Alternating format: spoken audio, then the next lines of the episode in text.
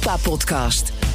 Huva Paiva, aflevering 6 van de Europa-podcast. Voor een prikkie kun je naar ons luisteren. Mijn naam is Geert-Jan Haan en naast mij collega-eurocommissaris bij BNR, Stefan de Vries. Buenos dias. En dat is gelijk dan ook het enige prikkie dat jij en ik de komende maanden zullen krijgen, Geert-Jan. Daarmee is de toon gezet, Stefan. De prik niet. Wat gaan we bespreken? Ja, het is niet alleen maar kommer en kwel. Zo eerlijk moeten we wel zijn. In sommige Europese landen waren er versoepelingen. En bij het RIVM vonden ze nog een oud, stoffig, maar magisch rekenmachientje. Waaruit bleek dat er ineens 700.000 meer prikken waren gezet dan we vorige week nog dachten. Maar ook dat klinkt weer beter dan het feitelijk is. In andere landen is de nood zo hoog dat er serieus wordt nagedacht over het bestellen van het Russische Sputnik-vaccin. Een vaccin dat steeds meer landen splijt. Ministers, premiers, regionale presidenten, gouverneurs, bevolking. Sputnik leidt tot discussie en debat, hadden we het vorige week al over. Zeker, en die week daarvoor en daarvoor en daarvoor. Maar, en volgende week, en de week waarschijnlijk. Maar dat doen natuurlijk de vaccins van AstraZeneca en Johnson Johnson Janssen nu natuurlijk ook. Ja. Dat straks, maar nu eerst ranking de vaccins. Ja, in de Europa-podcast houden we erbij hoe het er in de Europese Unie voor staat met vaccinaties. En vooral hoe Nederland het doet ten opzichte van de andere lidstaten. Ja, dat doe jij vooral als man van de statistiek. Dus vertel het maar. Zijn Letland en Bulgarije ons al voorbij? Nou, het surprise, surprise. Het korte antwoord is ja. Ik pak even de statistiek erbij. Echt waar? Echt waar, ja. Het is ongelooflijk. Maar die hebben niks.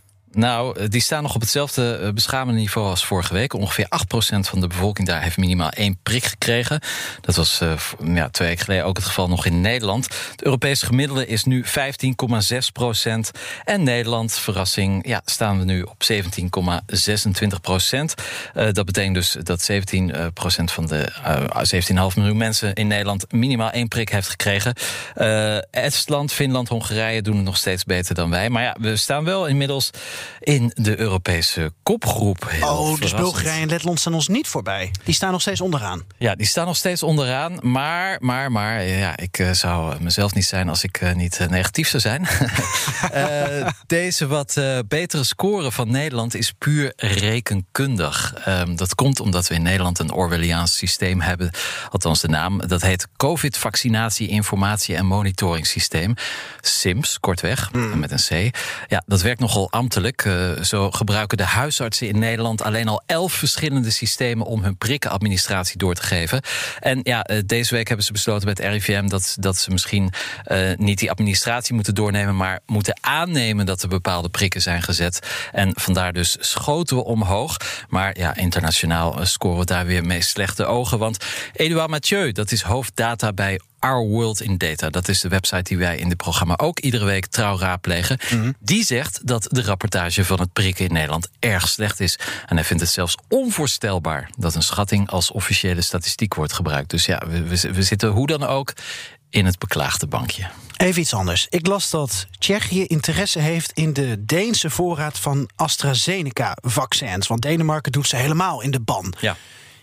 Kan het ene EU-lid vaccins van het andere overnemen? Zeker. We hebben natuurlijk allemaal samen de uh, vaccins besteld vorig jaar. Honderden en honderden miljoenen, zelfs meer dan 2 miljard.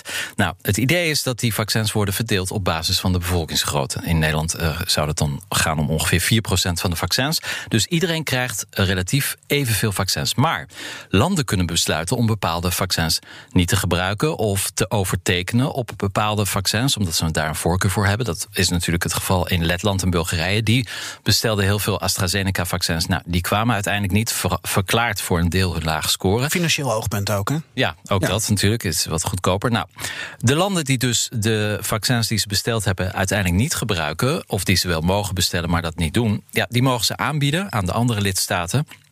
En die kunnen dan besluiten om die vaccins toch te kopen. Nou, dat kan, daar heeft Tsjechië nu dus interesse in. En ik zou het Hugo de Jong toch ook willen aanraden om al die vaccins van AstraZeneca die straks op de markt komen, om die zo snel mogelijk te pakken. Om gewoon ja, alles maar te prikken wat we prikken kunnen. Heel even. Zullen we gewoon open kaart uh, spelen? En, en, zullen we even eerlijk zeggen wat, wat wij vinden van het stopzetten van AstraZeneca en nu ook het onhold zetten van Janssen? Ja, ik speel altijd open kaart, Geert-Jan. Zeker naar onze trouwe luisteraars. Maar ja, persoonlijk vind ik het uh, natuurlijk schandalig. Want wat hebben we gezien? AstraZeneca. Geen probleem, zegt de Europees Medicijnagentschap. De landen zeggen, nou, gaan we toch niet doen. Hetzelfde zien we nu een beetje met het vaccin van Janssen, Johnson Johnson. het EMA is daar nog mee bezig, samen met de FDA in de Verenigde Staten, of er misschien een, een probleem is. Meteen de lidstaten, nee, dat doen we niet. Uh, althans, sommige lidstaten, want Frankrijk bijvoorbeeld gaat gewoon wel door met uh, Janssen. Um, dus ja, wat we hier zien is dat de politiek de overhand krijgt. Um, het, het, eigenlijk is het, de ratio is verdwenen, terwijl we hier natuurlijk gewoon een wetenschappelijke discussie moeten hebben. Uh, ik vind het schandalig dat we niet alles prikken wat we kunnen prikken, want het gaat om statistiek. Daar houd ik van. Ja. Uh, en dan is er gewoon heel weinig risico, met welk vaccin dan ook. Het risico is vele malen kleiner dan uh, corona te krijgen, te komen overlijden door corona. Uh, dus dat de politiek de oren laat hangen naar de publieke op opinie als die al bestaat. En die is natuurlijk niet zo heel positief over AstraZeneca. Ja, dat is natuurlijk heel kwalijk. Um, want uiteindelijk moet de wetenschap gewoon het woord voeren. Maar ja, dat, uh, dat is misschien een droom uh, ja. die in de politiek niet echt waar wordt. Wat vind jij ervan, eh, Geert-Jan? Ik vind dat de lat nu te hoog is gelegd doordat we zo ongelooflijk kritisch zijn gaan kijken naar uh, vaccingebruik. En dat is aan de ene kant natuurlijk terecht. Maar aan de andere kant, we willen alles in Europa gezamenlijk doen. Maar dan laten we onze gezondheidsraad een andere afweging maken dan ja. de EMA. Ja. En dan uh, komen zij met een oordeel waardoor het eigenlijk voor alle andere soorten vaccins dan Pfizer en Moderna praktisch onmogelijk wordt om die lat te halen. En dat is natuurlijk aan de ene kant heel fijn. Je wil het veiligste vaccin. Maar aan de andere kant, het is risicocalculatie. Ja. Je zag ook een grafiekje in The Guardian afgelopen week. Iedereen boven de 30 die heeft meer kans gemiddeld gezien om geraakt te worden door de gevolgen van corona dan door het AstraZeneca-vaccin. Ja. Janssen weten we nog niet. Dus vandaar dat ik wel um, vrij negatief ben. Ja over deze ontwikkeling. Ja, en je kunt natuurlijk ook afvragen: wat, uh, wat is de rol nog van het EMA als, als hun besluiten toch uh, in de wind worden geslagen? Eurocommissarissen Haan en de Vries houden de Brusselse zaken scherp in de gaten. Tijd voor de Europese week, Stefan. Een week waarin de vaccinatiestrategie van Europa veranderde. Waarin het Europees Parlement Sova-gate nabeschouwde. Waarin Nederlanders massaal blijken bij te dragen aan wereldwijde ontbossing. Amerika en Turkije zich drukker maken om de oorlog tussen Oekraïne en Rusland dan Frankrijk en Duitsland. En een week waarin een coronapaspoort weer dichterbij kwam en de Europese Commissie zich ook gigantisch in de schulden stak. Ja, dat is een idee van niemand minder dan Eurocommissaris Haan. Familie van je? Uh, brother from an Austrian mother. Aha. Maar inderdaad, budgetcommissaris Johannes Haan is met een initiatief gekomen dat voor Europese begrippen met vrij unanieme, enthousiaste respons tot nu toe in ieder geval werd uh, onthaald. Ja, misschien even goed om uit te leggen wat die Bank Brussel dan eigenlijk is. Het is meer een soort etiket voor het Europese Herstelfonds. Uh, het gaat hier in feite om een nieuwe financieringsstrategie. Brussel wil de komende jaren tot 800 miljard euro van de kapitaalmarkten lenen. Het gaat dan om uh, ongeveer 150 miljard euro per jaar. Nou, dat klinkt heel veel, maar het is minder dan Nederland per jaar leent op de kapitaalmarkten. Tot eind 2026. En daarmee moet de Europese economie hervormd worden. En moderner worden, groener worden, digitaler worden. En 30% van dat bedrag, zo'n 250 miljard euro, moet binnenkomen via groene obligaties. Ja, we hebben het dus eigenlijk over het corona-herstelfonds, ja. maar in een ander jasje. En Bank het gaat, Brussel. Ja, Bank Brussel. Uh, 800 miljard euro dus, een recordbedrag waarmee de EU in één klap ook de grootste uitgever van schulden in euro's wordt. Uh, dus de nieuwste financieringsstrategie van naamgenoot Haan is in feite gericht op het in de schulden steken van de hele Unie. En we wisten dat het corona-herstelfonds dat het ongeveer om en nabij de 750 miljard euro zou behelzen. Nou, nu dus doorberekend tot ruim 800 miljard euro. En daar hebben we het dus over. Uh, Stefan, als jij zou zeggen: ik steek me in de schulden om alles in mijn leven te verbeteren. ik wil groene leven, ik wil digitale leven. Dan zou ik dat natuurlijk wel toejuichen. Ja. Zou het jou gunnen. Maar ik zou 800 miljard euro wel een vrij absurd bedrag vinden. Een bijna ondraaglijke schuldenlast. Hoe kijk jij hiernaar? Nou, als ik jou, tegen jou zou zeggen: het kost je maar 1750 euro om een fantastische toekomst te hebben. Wat zeg je dan? Heb jij doorberekend naar ja. EU-ingezetenen? Ja, ongeveer, ja. Dus uh, we zijn met... Uh, Voor 1750 euro? Ja, daar komt jaar? het op neer. Nee, in, in totaal. Die tot, 800, tot 2026. Ja, we zijn met 450 Heb miljoen. ik een beter leven? Heb jij een beter leven? Althans, dat wordt beloofd. It's clear that uh, we will need fresh money.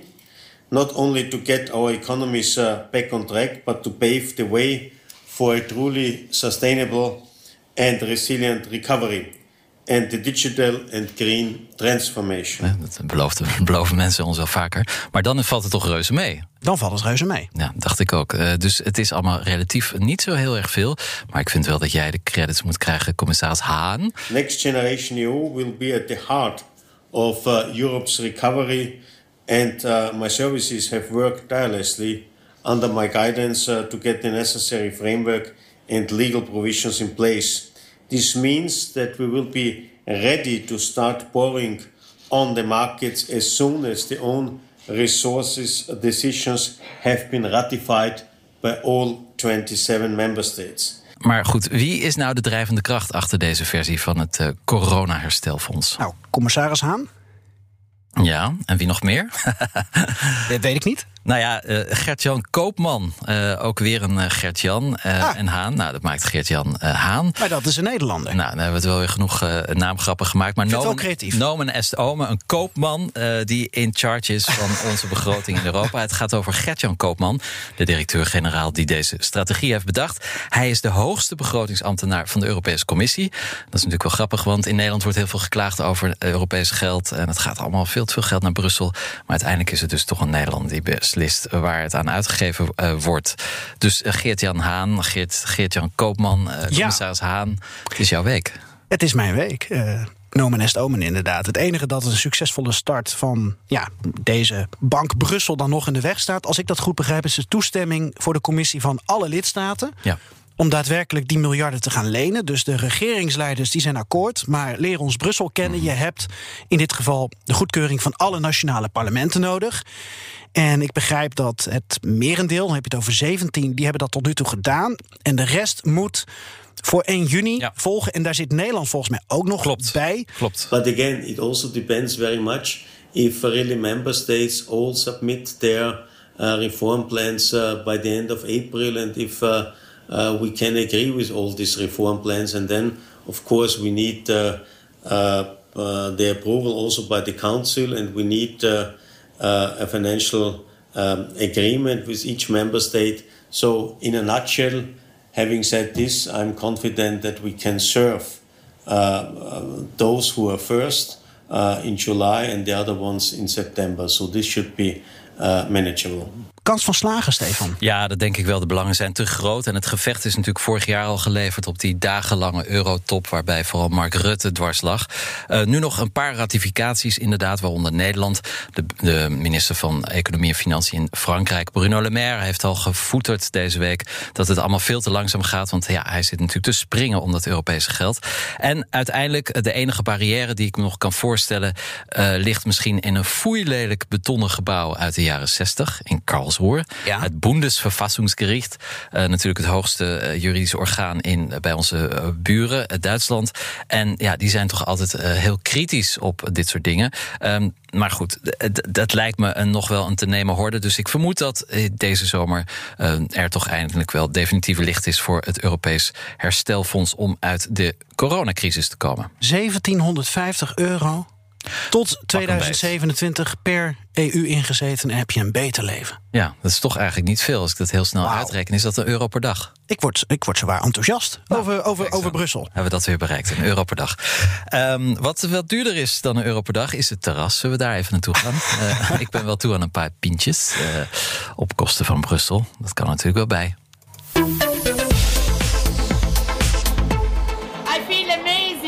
Honest, guys, I've been home like for four months and finally we are back to the normality. I've been in Italy this summer and they've been eating all outside and finally I'm seeing this in London, which is amazing. It's not raining. I'm happy, guys. It's four months. Unbelievable. Mwah, look at that. We gaan bier drinken op kosten van Cheers. Brussel in Londen, als ik dat goed hoor. Dat is wel de ultieme vernedering in deze tijd, na Brexit. Ja, ja het was op uh, sommige plekken in Europa uh, ja, toch weer uh, feest eigenlijk.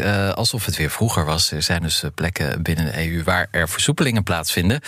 Niet overal dreigt op dit moment code zwart. of ja, misschien denken ze wel, net zoals in Nederland... godzegende greep open met die handel. Ja. We zien wel waar we uitkomen. Maar dus ja, we worden iets uit Engeland. Daar stroomde Soho in Londen vol.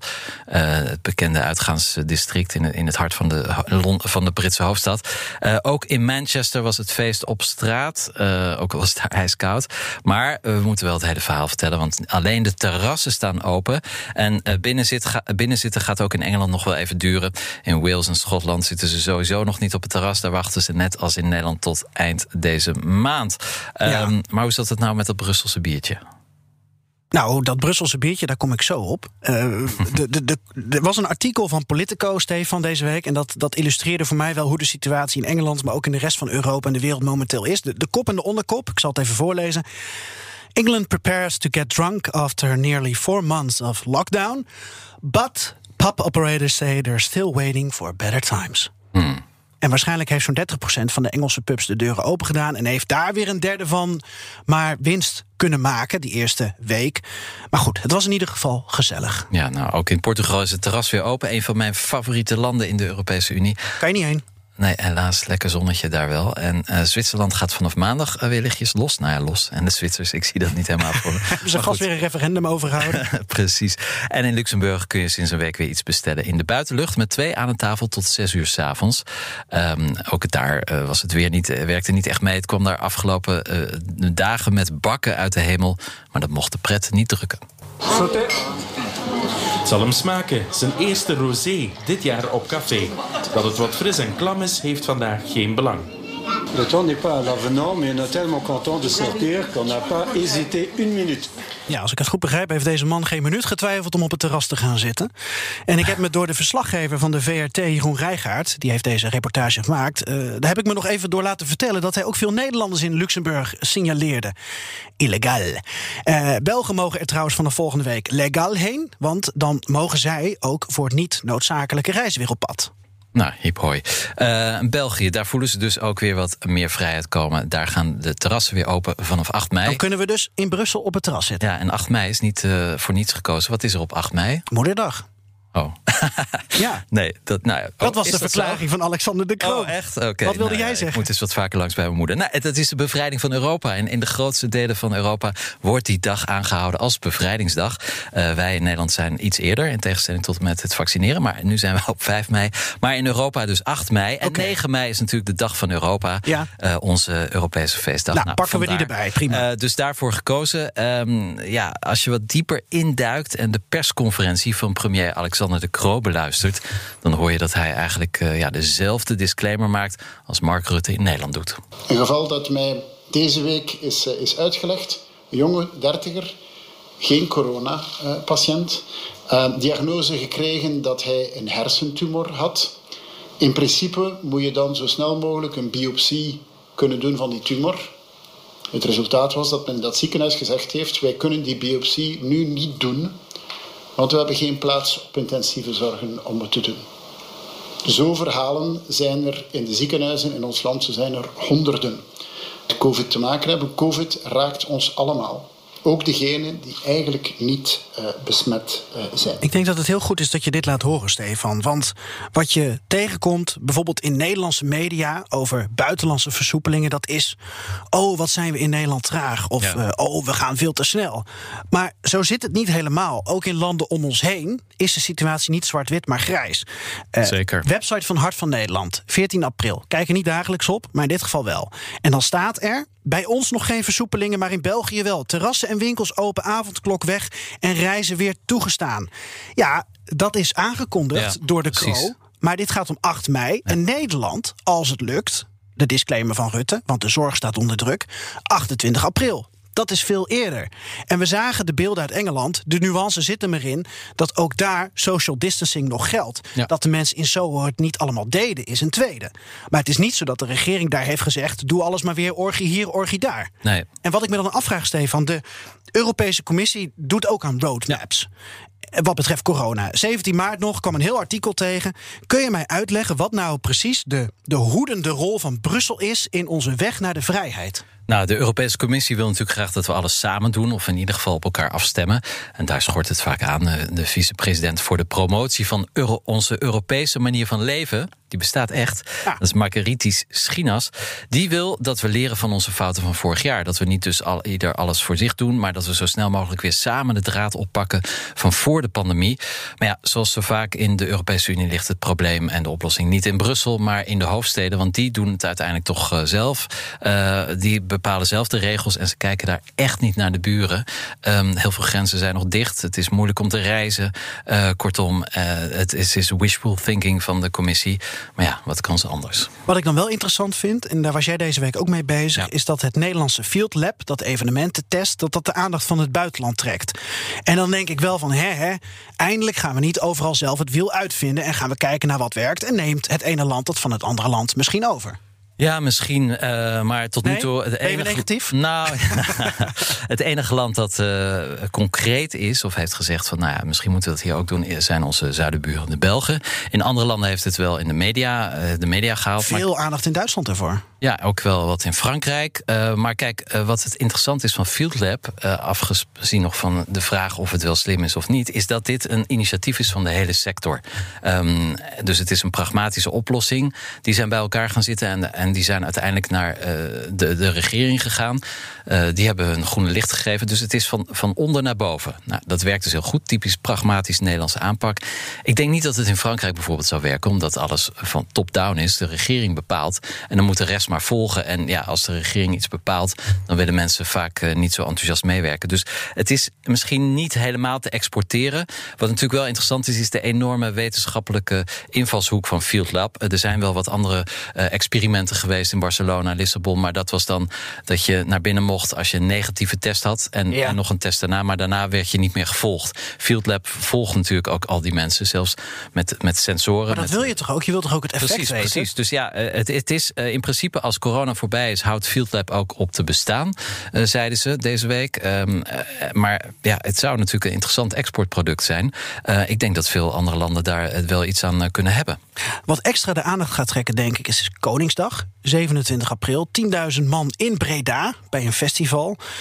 Ik ben zelf niet zo'n festivalliefhebber, maar het vooruitzicht en het vergezicht van een goed feest dat spreekt me wel aan. Nou, ik ben zelf niet zo'n Koningsdag-liefhebber. Ik vind het absurd dat de levens van 10.000 mensen gewaagd worden om een of ander archaïsche uh, fake god te aanbidden. Je dikt het een beetje aan. Vive la Republiek. Ja, nee, ja, ja. ik ben nog mild. Ik ben oh. mild. Maar goed, uh, waar zat jij dan wel aan te denken? Nou, oké, okay, ik zou niet naar Breda afreizen, maar iets dat ik gewoon voor me zie. Ik zat daar uh, vannacht over te dromen. mag ik dat laten horen? Voor mij wel.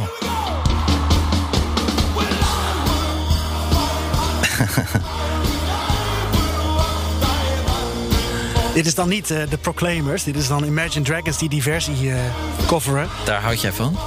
Nou, dit nummer vind ik speciaal. Oké. Okay. Maar, maar dit, luister het. gewoon even. Het gaat om de extase. Okay. En het gevoel van extase en adrenaline, dat mis ik wel.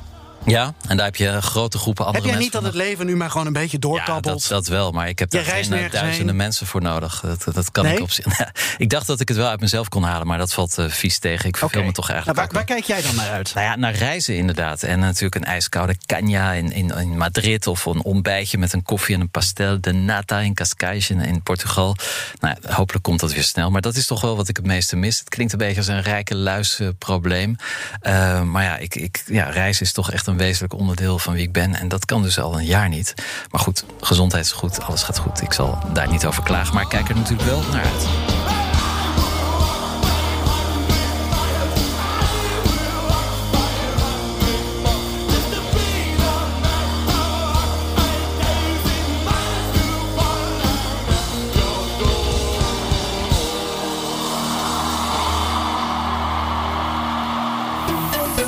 Staat er op de agenda? Ja, Geert-Jan, uh, wat gaat er allemaal gebeuren in Brussel de komende tijd? Wat ga jij in de gaten houden de komende ja? Een beetje Brussel en een beetje uh, lidstaten. Litouwen kondigt een eigen digitaal coronacertificaat aan. Oftewel het coronapaspoort in moderne vorm. En dat moet dan begin mei klaar zijn. Gaan ze de komende weken uitrollen, want dat is deze week bekendgemaakt. En ik ben benieuwd of het lijkt op waar de Europese Commissie momenteel hard aan werkt. En ook deze week weer toch een stapje dichterbij uh, is gekomen met dat paspoort. Ja. Duitsland natuurlijk, uh, waar niet alleen de Christen-Democraten besluiten nemen over de opvolging van Angela Merkel, maar ook de Groenen. 19 april, dan komen zij met hun kandidaat. En dat wordt inmiddels in de Duitse pers al kanslerkandidatuur genoemd. Want, genoemd. Genoemd. Want de Groenen lijken een serieuze uitdager te worden... na al dat gekonkel tussen uh, Laschet en Söder. En wat ik heel interessant vind, Stefan... is wat de Europese Commissie eind volgende week gaat presenteren... op het gebied van kunstmatige intelligentie. Ja. Er komt een soort vergezicht. Met name gericht op regulering. Wat willen we wel, wat willen we niet in Europa? En het voorstel is een vervolg bij White Paper, waarvoor 1200 partijen waren geraadpleegd. Die hebben allemaal hun plasje mogen doen.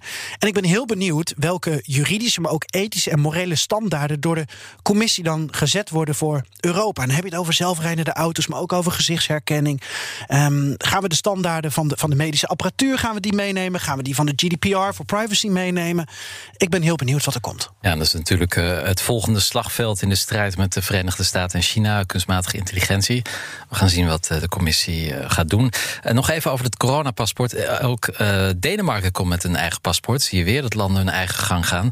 Um, en ja, in Nederland, daar gaat het niet zo snel. Want ik begreep uit het parool van deze week dat mensen die een coronaprik hebben gehad. Um, een briefje meekrijgen. Een soort fietsdiplomaatje, zwemdiplomaatje. Op papier dus. Um, ik kreeg hem vanochtend van mijn vader binnen. Die heeft ja? hem ook gehad. Oké, okay, ja, nou, hoe prachtig, ziet het uh, uh, als een veterdiploma. Een veterdiploma, ja. nou precies. Nou, die bevestiging kan ook in het uh, gele vaccinatieboekje worden opgenomen. Dat hebben we ook al om te reizen naar de tropen. Um, maar, daar komt het, beide bevestigingen gelden niet als officieel vaccinatiebewijs. Dat zegt de overheid. Dus okay. zo'n bewijs, namelijk een echt vaccinatiebewijs in Nederland, bestaat helemaal niet in Nederland. Dus als er zo'n coronapaspoort komt, en de bedoeling is dat de commissie half juni een uh, prototype klaar heeft, ja. dan uh, kunnen we misschien niet eens meedoen als Nederlanders. Maar is dat nou zo erg? Nou ja, dan moeten we op de Veluwe met vakantie. Nee, maar dat, dat papiertje, dat dus mijn vader heeft gehad of andere mensen, ja, een veterdiploma is ook niks waard. Um, Nee, maar goed, kijk, als andere landen een app eisen of een QR-code en een database met uh, waar dit allemaal in staat, dan, dan gaan we in ieder geval nu voorlopig uh, niet meedoen. En jij baalt ervan, want jij wil reizen. wil reizen. Jij wil die canja drinken. Ik wil gevaccineerd worden, ik wil reizen. Ik wil, net als iedereen, dat alles weer zo snel mogelijk normaal wordt. Oké, okay, nou het enige dat we nog kunnen doen om het buitenland iets meer naar Nederland te halen... dat is door uh, naar het volgende te gaan luisteren. De nummer 1 in... Ja, en onze zoektocht naar de nieuwe Dragostea Dinté... speuren commissaris De Vries en ondergetekende stad en lidstaat af. Stefan. Ja, naar Zweden, Spanje, Griekenland, Polen en Frankrijk gaan we deze week niet zo heel ver. We gaan naar. Uh, Duitsland, een van de weinige landen naast Nederland trouwens, waar op dit moment een nummer 1 in de eigen taal, dus uh, ja, uh, zoals het hoort bij een nummer 1, bovenaan de hitlijsten staat. Laten we luisteren naar Deutsch Rap. In de suite voor presidenten, die taschen vol, aber leere Hände. Gib mir irgendwas, das nie Mama, jeder zweite kennt mich, aber wer sagt mir, wer ich selbst bin? Der Himmel ist die Ja, ganz geil. Hoe heet het uh, ja, liedje? Leren Hände, luister. Ja, es wird mir zum Verhängnis. Fühlt sich an, als wäre ich lebenslänglich im Gefängnis. Ich will, dass du für immer bleibst, doch alles ist Het schijnt Duits te zijn. maar met heel veel shusje, shusje, shusje. Ja, inderdaad. Uh, leren handen, oftewel lege handen. Dat mijn herz bricht.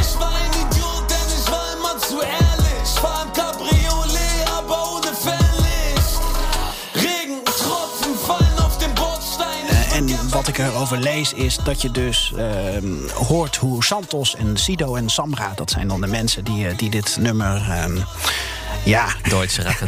Uh, Duits rappen. Um, dat zij het hebben over ja, hoe uh, succesvol kan je in het leven zijn. Um, hoeveel kan uh, de waarde van geld zijn als je uiteindelijk misschien niet gelukkig bent of met lege handen staat. Dus hij heeft het ook over, ja, ik zit dan 's ochtends met naakte engelen in mijn uh, presidentiële suite en um, ik voel me toch leeg. Ik en, dacht dat dit een muziekrubriek was, geen filosofierubriek. Ja, maar rappers, dat zijn echt wel filosofen natuurlijk. Ja? Ja. Ook Deutsch rappers? Blijkbaar. Ja, ja, kennelijk.